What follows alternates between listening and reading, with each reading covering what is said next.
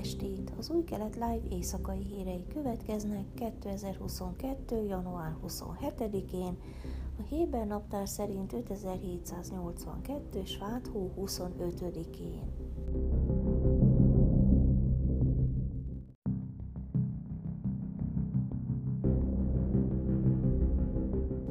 Határrendőr könnyebben megsebesült az éjszaka egy tűzharc során, miután a katonák tévedésből drogfutárként azonosították őket az egyiptomi határon, közölte csütörtökön az izraeli védelmi erők. A hadsereg szóvivője szerint szerdáról csütörtökre virradóra legalább kilenc csempész kísérlet történt a határ mentén, így ez volt az egyik legaktívabb éjszaka az egyiptomi határon a közelmúltban.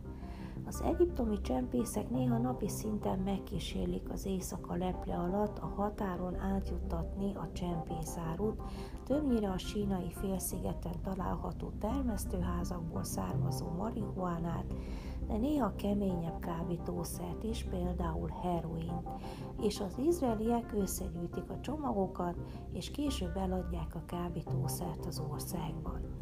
A szerda éjszakai csempész kísérlet során határőrök sérültek meg, amikor a csempészek a határ egyiptomi oldalán páncélozott járművekkel és gépfegyverrel érkeztek a biztonsági kerítéshez, és tüzet nyitottak az izraeli terület felé, nyilatkozta az izraeli védelmi erők szóvivője. A lövésekkel nem az izraeli csapatokat vették célba, hanem ezzel akarták elriasztani őket attól, hogy megközelítsék a határterületet. Az egyiptomi határdőrző Karakel zászlóaj csapata reagált a támadásra és viszonozta a tüzet. A határrendőrség egyik járműve két tisztel szintén a közelben tartózkodott, és izraeli oldalról közelített a kerítéshez. A tűzharc során a karakáros katonák úgy tűnik azt hitték, hogy a határrendőrség járműve egy teherautó, amelyet az izraeli csempészek használnak a kábítószer csomagok begyűjtésére, és tüzet nyitottak a kerekekre, közölte a hadsereg szóvivője. A két tiszt könnyebben megsérült a lövöldözésben, és a Bersevai Szoroka orvosi központba szállították őket kezelésre. Közölte a katonaság, megjegyezve, hogy az esetet kivizsgálják. Az izraeli hadsereg és az izraeli rendőrség az éjszaka folyamán mintegy 400 kg kábítószert foglalt le, becslések szerint 8 millió sékkel, azaz 800 millió forint értékben, ami az elmúlt év egyik legnagyobb fogása, közölte a katonaság. Letartóztatásra azonban nem került sor.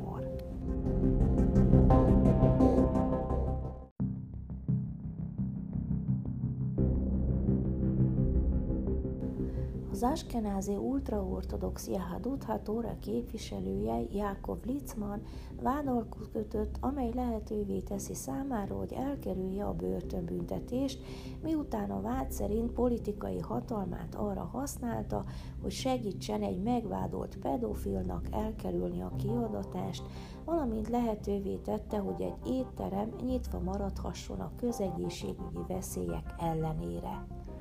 A megállapodás értelmében Litzman egykori egészségügyi minisztert mintegy 3000 sékel, azaz 300 ezer forint pénzbírságra büntetik, és felfüggesztett börtönbüntetést kap.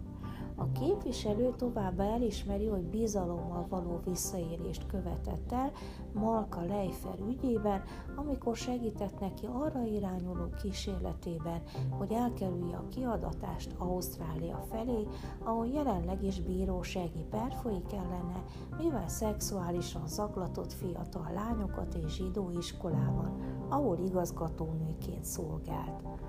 A megállapodás részeként egyik az igazságszolgáltatás akadályozásával kapcsolatos, valamint a barátai tulajdonában lévő jeruzsálemi Goldis étteremmel kapcsolatos vádakat.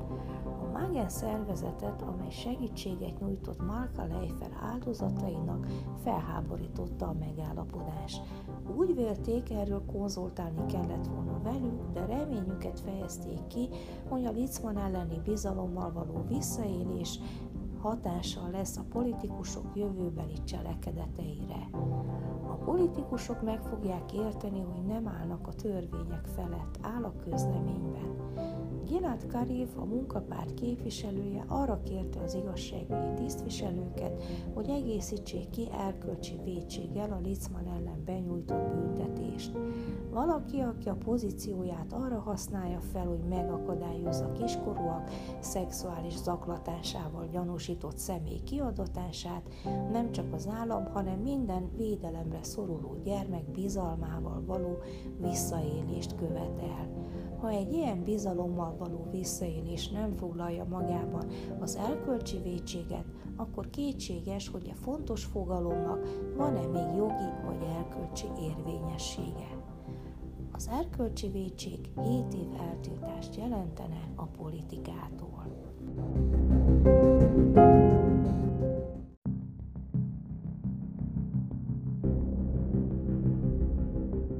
Az Integrity Partners amerikai befektetési vállalat állítólag előre haladott tárgyalásokat folytat az NSO Group izraeli kémprogramokat gyártó és forgalmazó kibercég felvásárlásáról. Állította két forrás a Financial Times gazdasági újságnak.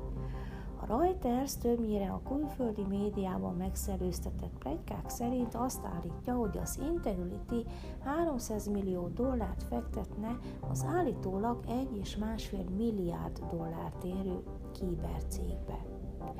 Az Integrity Partners-t veterán amerikai katonák alapították és irányítják, akik kapcsolataikkal megpróbálják az NSO-t levenni az Egyesült Államok kereskedelmi minisztériumának fekete listájáról, írja a Financial Times. Az Egyesült Államok Kereskedelmi Minisztériuma tavaly novemberben helyezte fekete listára az NSO-t, azt kifogásolva, hogy a cég vezető kémprogramját Pegazust transnacionális elnyomása használta, így módon sértve az Egyesült Államok nemzeti érdekeit. A Forbidden Stories tavaly nyári nyomozásáról oknyomozó cikkek jelentek meg a Washington Postban és a The Guardianban, azt állítva, hogy a kormányok a Pegazust arra használták, hogy feltörjék civilek, jogvédők és aktivisták, újságírók és politikai ellenzékek, valamint külföldi kormányok mobiltelefonjait. Az NSO ellen legutóbb az Apple óriás vállalat indított per az Egyesült Államok beli telefonok feltörése miatt. Pegazust elvileg csak azután értékesíthették külföldi kormányoknak, miután az izraeli védelmi minisztérium engedélyezte azt, és csak azzal a feltétellel, hogy a kémprogramokat kizárólag a bűnözés és a terror elleni küzdelemre használják fel. Ellentmondásos módon azonban a múlt hónap elején kiderült, hogy a Pegazust az izraeli rendőrség is bevetette, állítólagos izraeli gyanúsítottak tevékenységének nyomon követésére.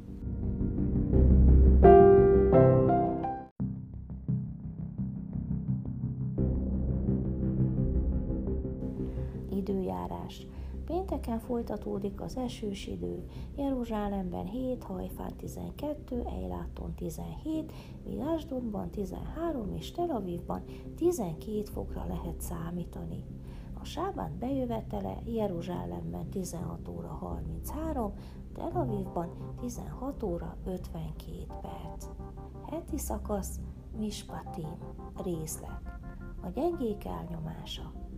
Az idegent el ne nyomd és ne szorongasd őt, mert idegenek voltatok ti Egyiptom országában.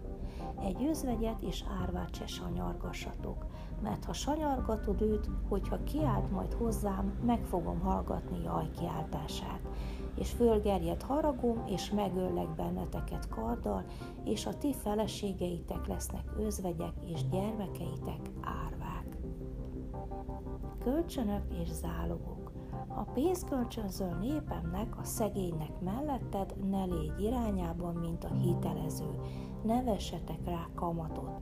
A zálogba veszed fele barátod ruháját, a naplemente előtt add vissza neki, mert az az egyedüli takarója, az ruhája testének miben álljon. És lesz, ha kiált hozzám, meghallgatom, mert könyörületes vagyok én.